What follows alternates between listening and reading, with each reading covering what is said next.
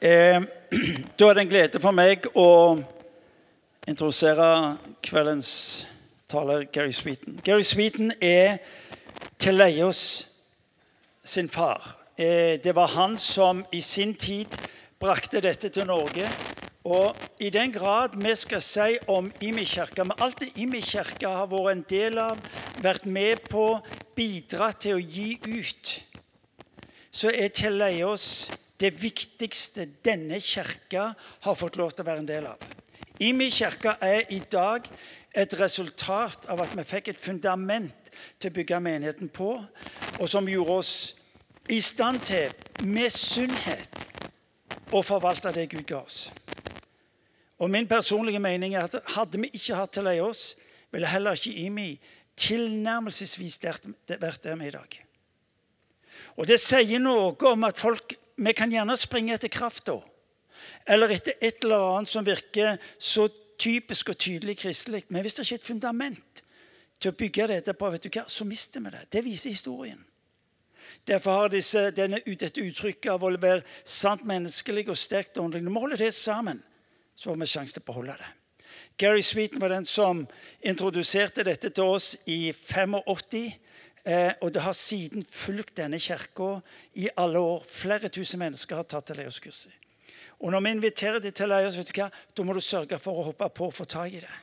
Fordi det betyr så mye. Én ting for ei kirke, men en kirke består av enkeltmennesker. Og det er nettopp ved å se enkeltmennesker få hjelp til å leve i den friheten som jeg ble minnet om litt tidligere. Um, Gary Sweeten er for meg kanskje en av de fremste formidlerne av et liv i frihet som jeg kjenner til.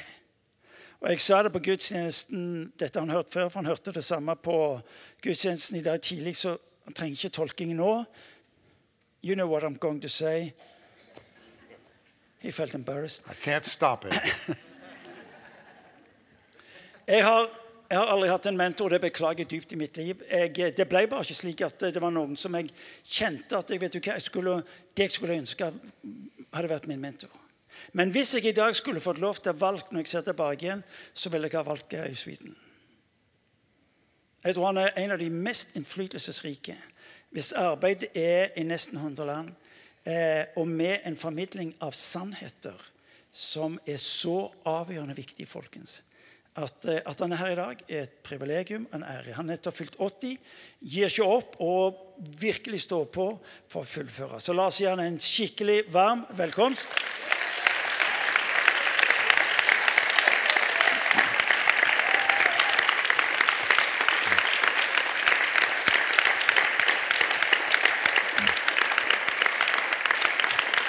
Mens vi, mens vi står, la oss be for ham. Herre, vi takker deg for Gary takker deg for det hans mot på å gå videre med det som var nytt for så mange.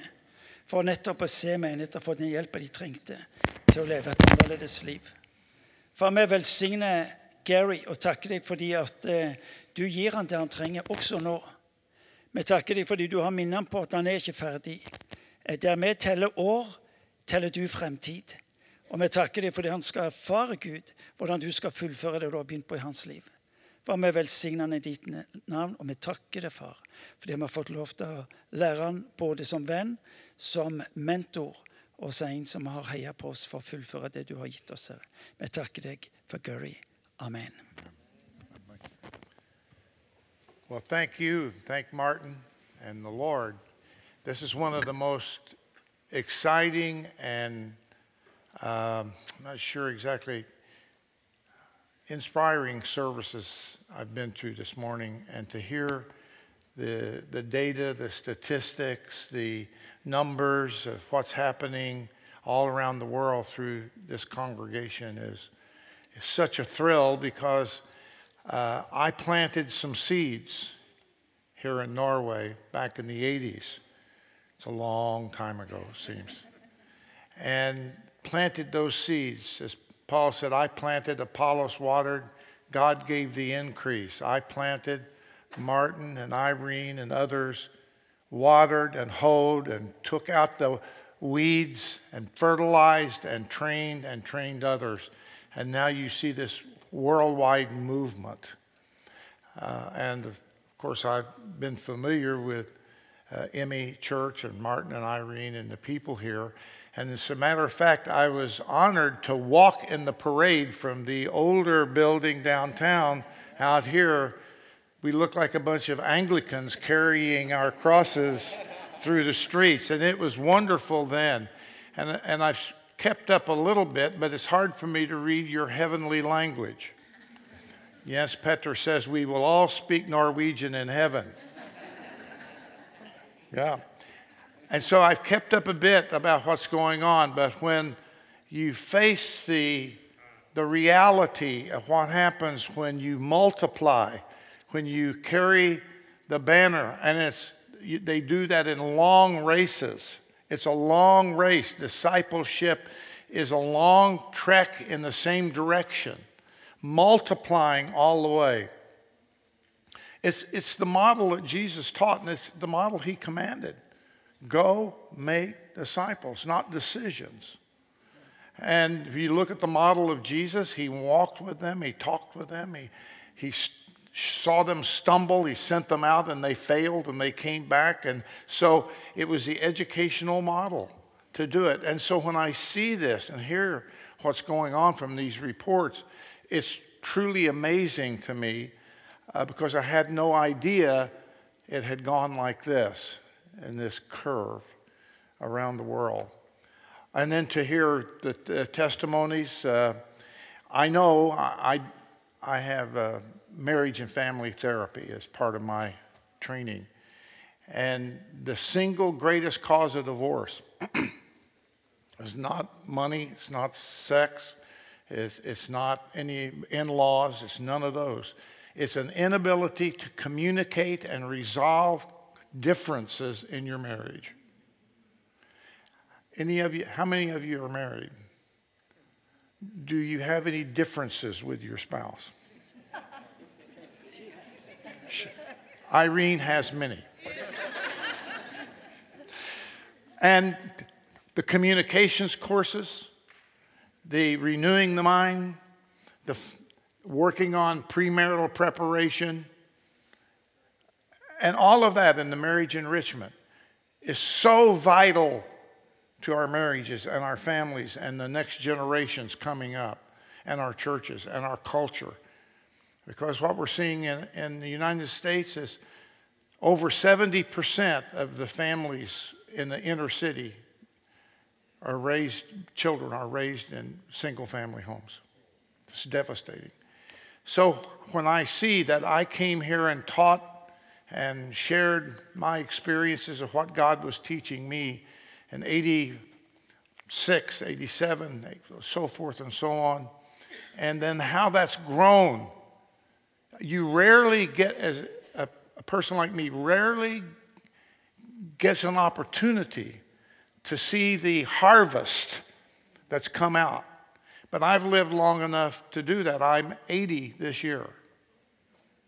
Jens Petter is 70, and he's trying to catch up, but he won't.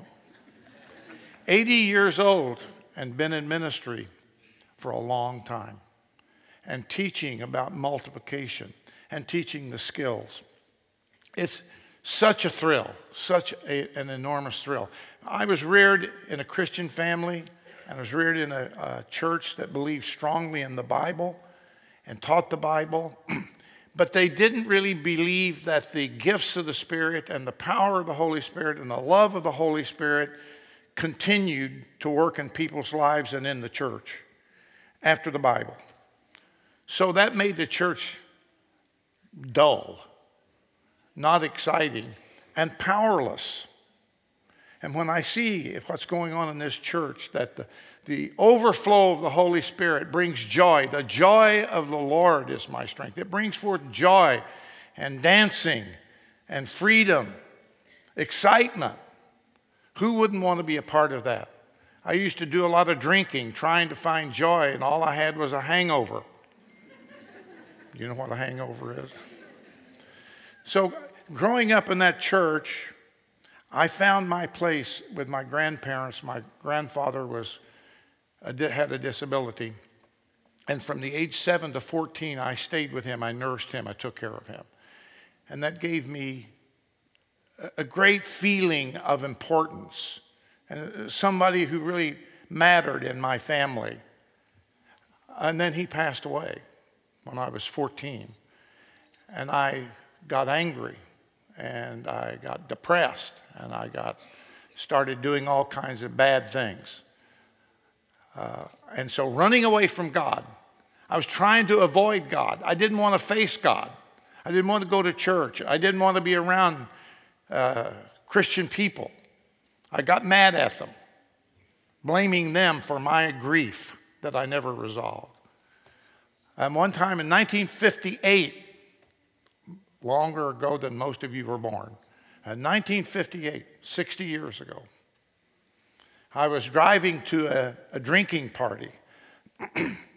I got about an hour away, from, uh, not an hour, a mile away from my home. And the Shekinah glory of God filled my car. It was as though the dash lights came out and surrounded me.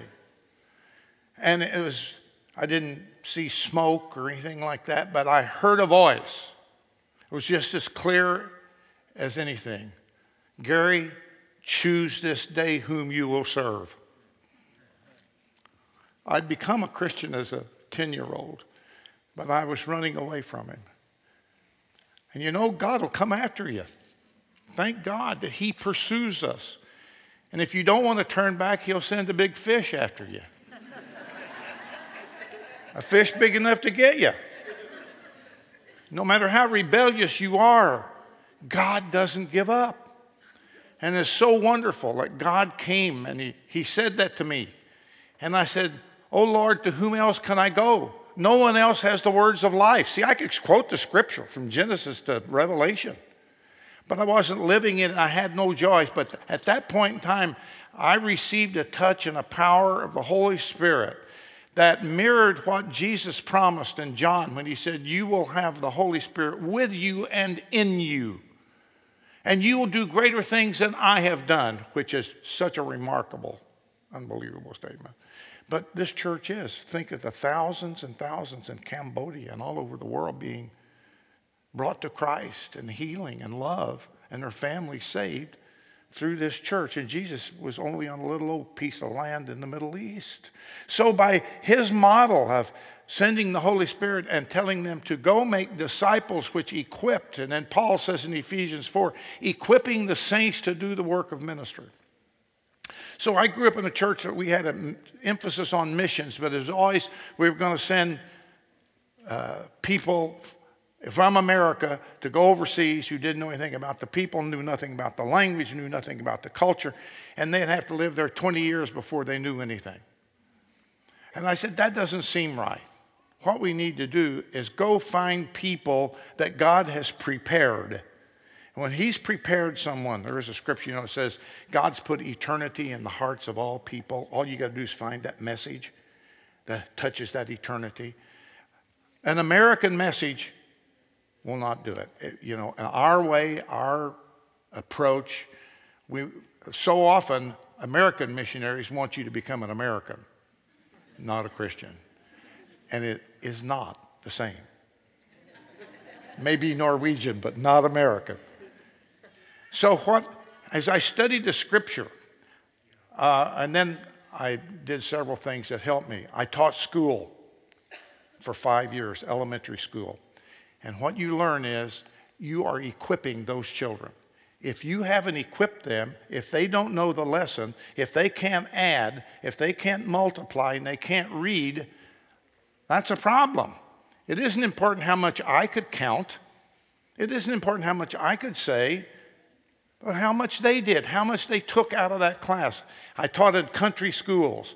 We had two classes, fifth and sixth grades, and in two classes. And I had to teach all the subjects in two classes. And we had everything from brilliant people with 150 IQ to kids who could barely speak. And what's, what that is, that's a microcosm uh, uh, of the world. That's a small piece of the world. And the church is called to touch and educate and equip all of those people. I had to work very, very hard to do that. I, had not, I didn't have enough time to give personal work with everybody. So I took the smarter kids, the more active kids, and I taught them how to work with the slower kids. It worked beautifully. Now, it's very hard to get really bright kids to work with slow kids because they tend to put them down.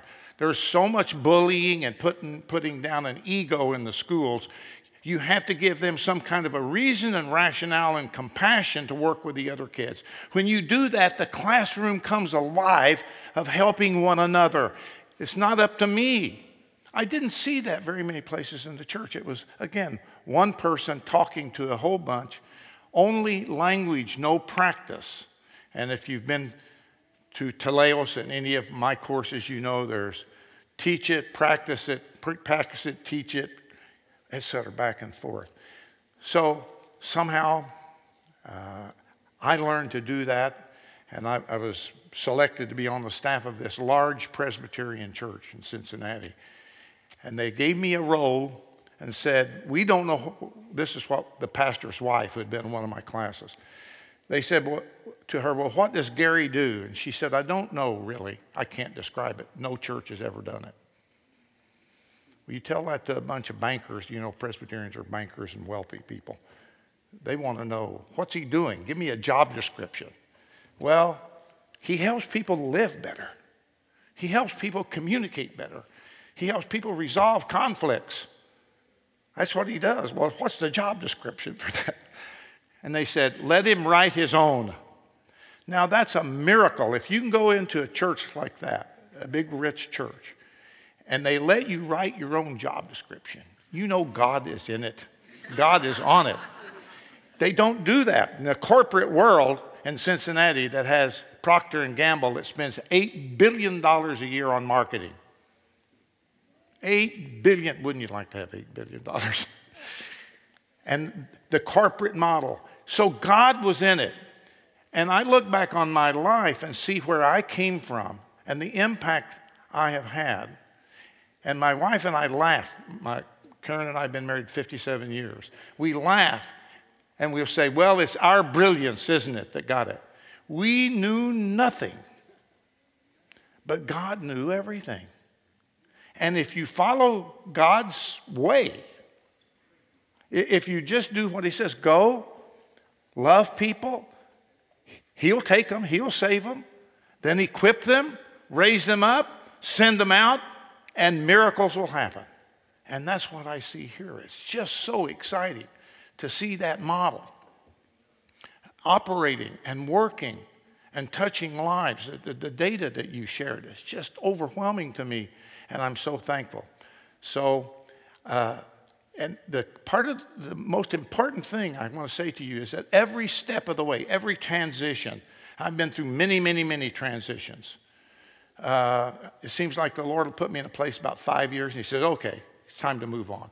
I thought I'd work here with you guys forever in Norway. He said, "No, go to Russia." I didn't want to go to Russia. I like Norway. Russia's mess. and but I went to Russia when the Lord speaks, like He did in my car. But every time He speaks, it's not boom.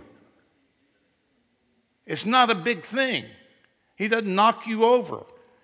It's what do you do when you get up? So I like this scripture in 1 Kings 16 through 19 about Elijah. This is my point here.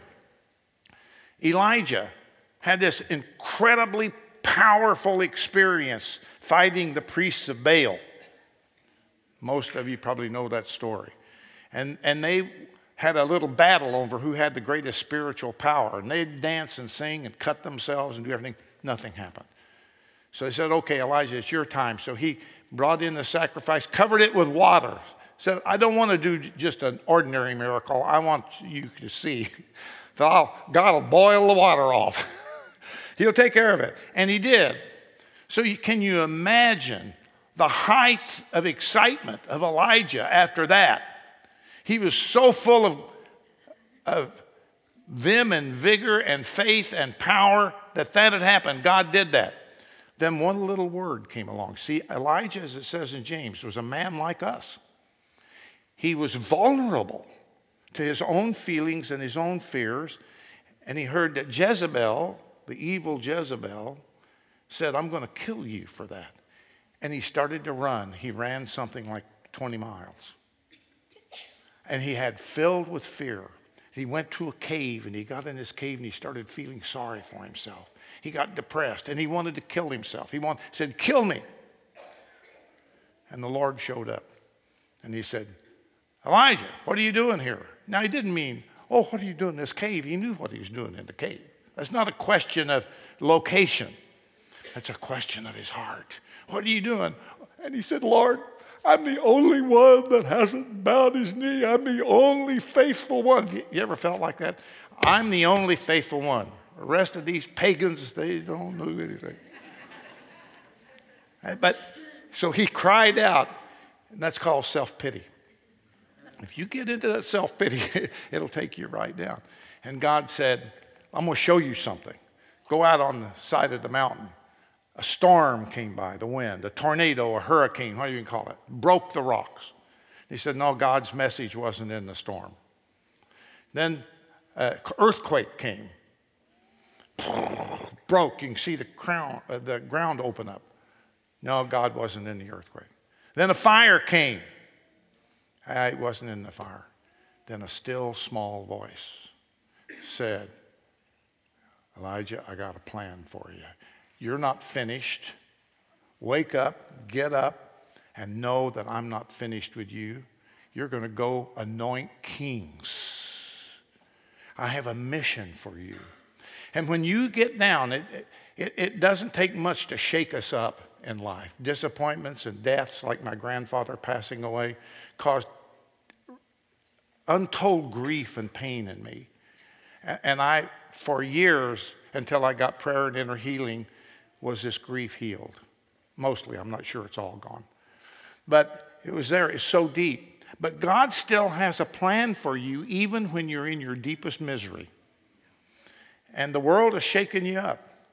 And throughout my life, I've had those ups and downs. I've been fired from several uh, jobs, got kicked out of a couple of churches. Oh, that was fun. So instead of the right hand of fellowship, I got the left foot. But each time I was fired or lost my job or that the church that I was in didn't want me, God had something better for me on the other side. So when I got kicked out of the church, I went over and got into a small group of charismatics led by a Presbyterian minister and nine Catholics. I'd never met a Catholic in my life, hardly. But God has something better for you. Then we got into Jesus movement and set up four house churches because I, I was free in the spirit to do what God said, not be constrained by some kind of traditional church. By the way, I'm not against anybody. Lord, do with them what you want. But for me, each of those disappointments, you know, when you have an experience in life, you hardly ever know whether it's good or bad. You can have something you think is terrible and end up as the best thing that ever happened to you. I got into a fight with my school principal because he was a racist and I couldn't deal with it. I confronted him. That's not good for your career. But when I left that school, I went back and got a master's degree in counseling and got a doctorate in counseling. Those skills that I learned there have been the best thing I've ever known for evangelism and discipleship. I didn't know it. I wasn't wanting to get kicked out of my job. It was embarrassing, it was shameful. But God had a plan, like Elijah. But it's not always in the big things. It can be a still small voice in the middle of your crisis, your emotional crisis, your marriage crisis, or whatever. So when I'm here, where am I, Martin? Oh, I'm okay. I got eight minutes. He's got a big hook that comes out, you know. so all of those experiences went into me learning how I can integrate that into the scripture. And I would say to you, somehow I had the motivation and the ability to take the scripture and take what I learned in psychology and counseling and marriage and family therapy and learn from my education and my coaching and put it together and say, there's got to be systematic ways to equip the saints to do the work of the ministry. And when you equip the saints to do the work of ministry, as great as Martin is, he's not as great as a thousand people in this congregation equipped. He's not as great as going to Cambodia and finding the people God's prepared there and equipping them because they probably haven't been equipped and setting them up so they go out and they know their own neighbors and they know their own friends. And you hear the Lord. When you hear the Lord, even though you may not want to go right there, you say, You've got something for me, Lord.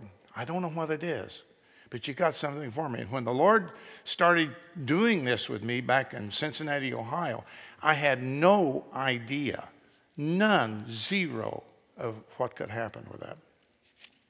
I'll tell you a, a quick story here of when uh, I met Jens Petter Jorgensen, whom I think most people here know who he is. Uh, I was in Kenya, East Africa, and he and I were, were lived next door to each other in a dormitory. And um, in our small group, there was a bishop there from Uganda that Idi Amin had tried to kill three times and escaped. So they gave their testimonies about why they were there. And then they said, Well, Dr. Sweeten, tell us, what are the great things going on in America? I felt like a lion in a den of Daniels. What do I have to say? I'm living in the wealthiest country in the world.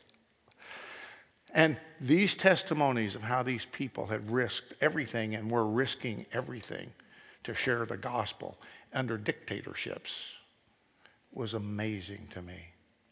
It was really quite a, it was quite an emphasis, an impetus for me to say, okay, God can take care of these people.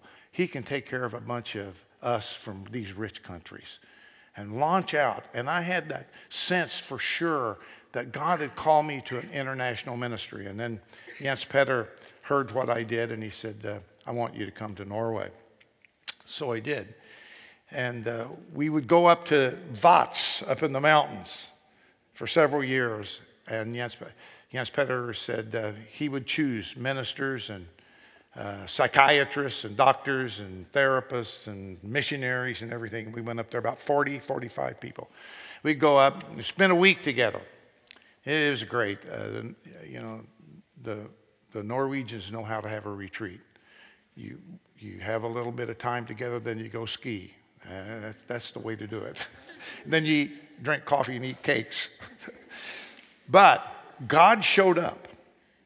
God showed up at that place. I want to tell you a quick story. I'm not going to mention the person's name, but at College Hill, our team that was getting together, knowing we were called to go to a foreign country, we didn't know anything about the culture. We didn't really, uh, I hardly knew what a Lutheran was, so we brought a Steve Griebling with us, who was a Lutheran.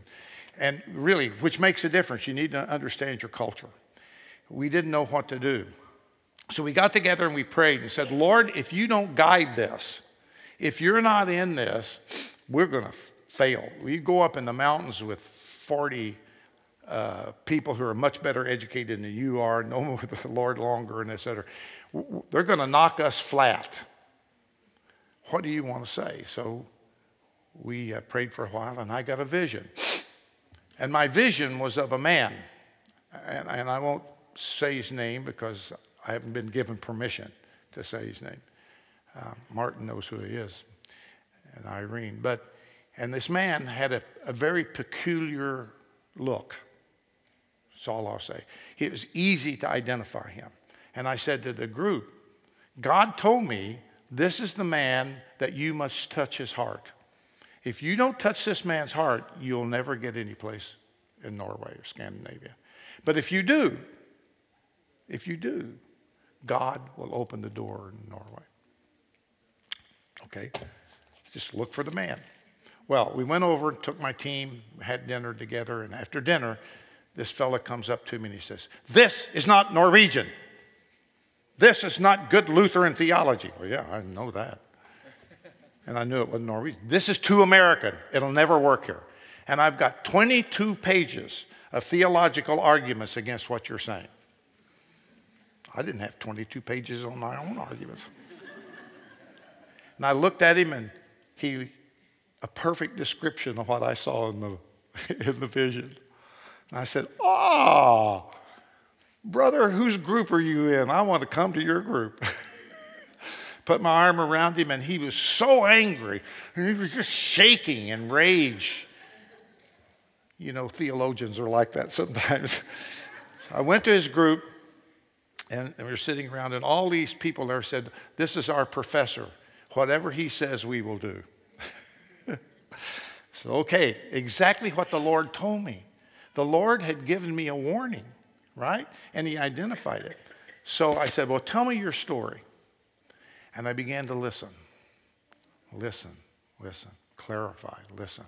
And it wasn't very long before he began to share something had happened to him when he was a young man, I think 22 years old, that wounded him so deeply and it hurt him so badly that it had impacted the rest of his life. And he had developed this physical manifestation, psychosomatic manifestation.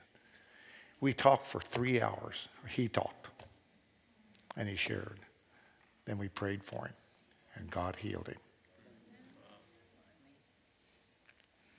The next morning at breakfast, he was 80 to 90% healed.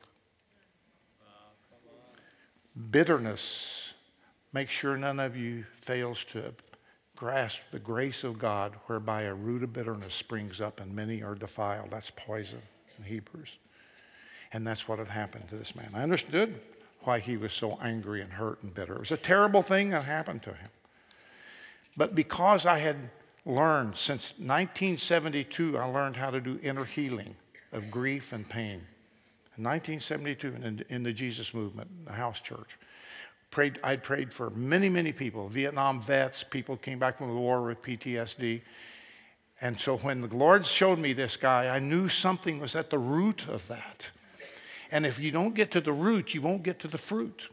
So quite often we see the anger and we condemn that, or we see the hurt and we, the alcohol, the drugs, the pain, whatever in a person's life, and we say, just stop that. But if you don't get to the root, you'll not be able to cut off the fruit. And what I see is this is such a healing community. One more remark. 1969, I went to a conference at the University of Illinois, and there were two of the most famous psychologists in the world there. And one of them said the early Christian church was the most powerful therapeutic community or healing community the world has ever known. And he said, and I'm an atheist. But the early Christian church in that pagan, Roman, awful, terrible, destructive, evil society took people in and they were changed by that group and by their faith. I came away from that with a different kind of vision. I want to be a person who restores the early church, churches, early churches, to be the most powerful therapeutic communities the world has ever known. And what I see going on here is this honeycomb of love, truth, power, gifts, and grace, and good humor that puts people back together as a healing community. So never lose that idea that it takes it all together, which over a period of time, it takes grace, it takes a lot of patience, the fruit of the Spirit. So don't give up in doing good. May the Lord bless you and keep you because I'm so thankful for what God has done in your life and in your church and your faithfulness in carrying it out, not going after every wind of doctrine, but doing the basics. And when you do, God will bless it. Amen.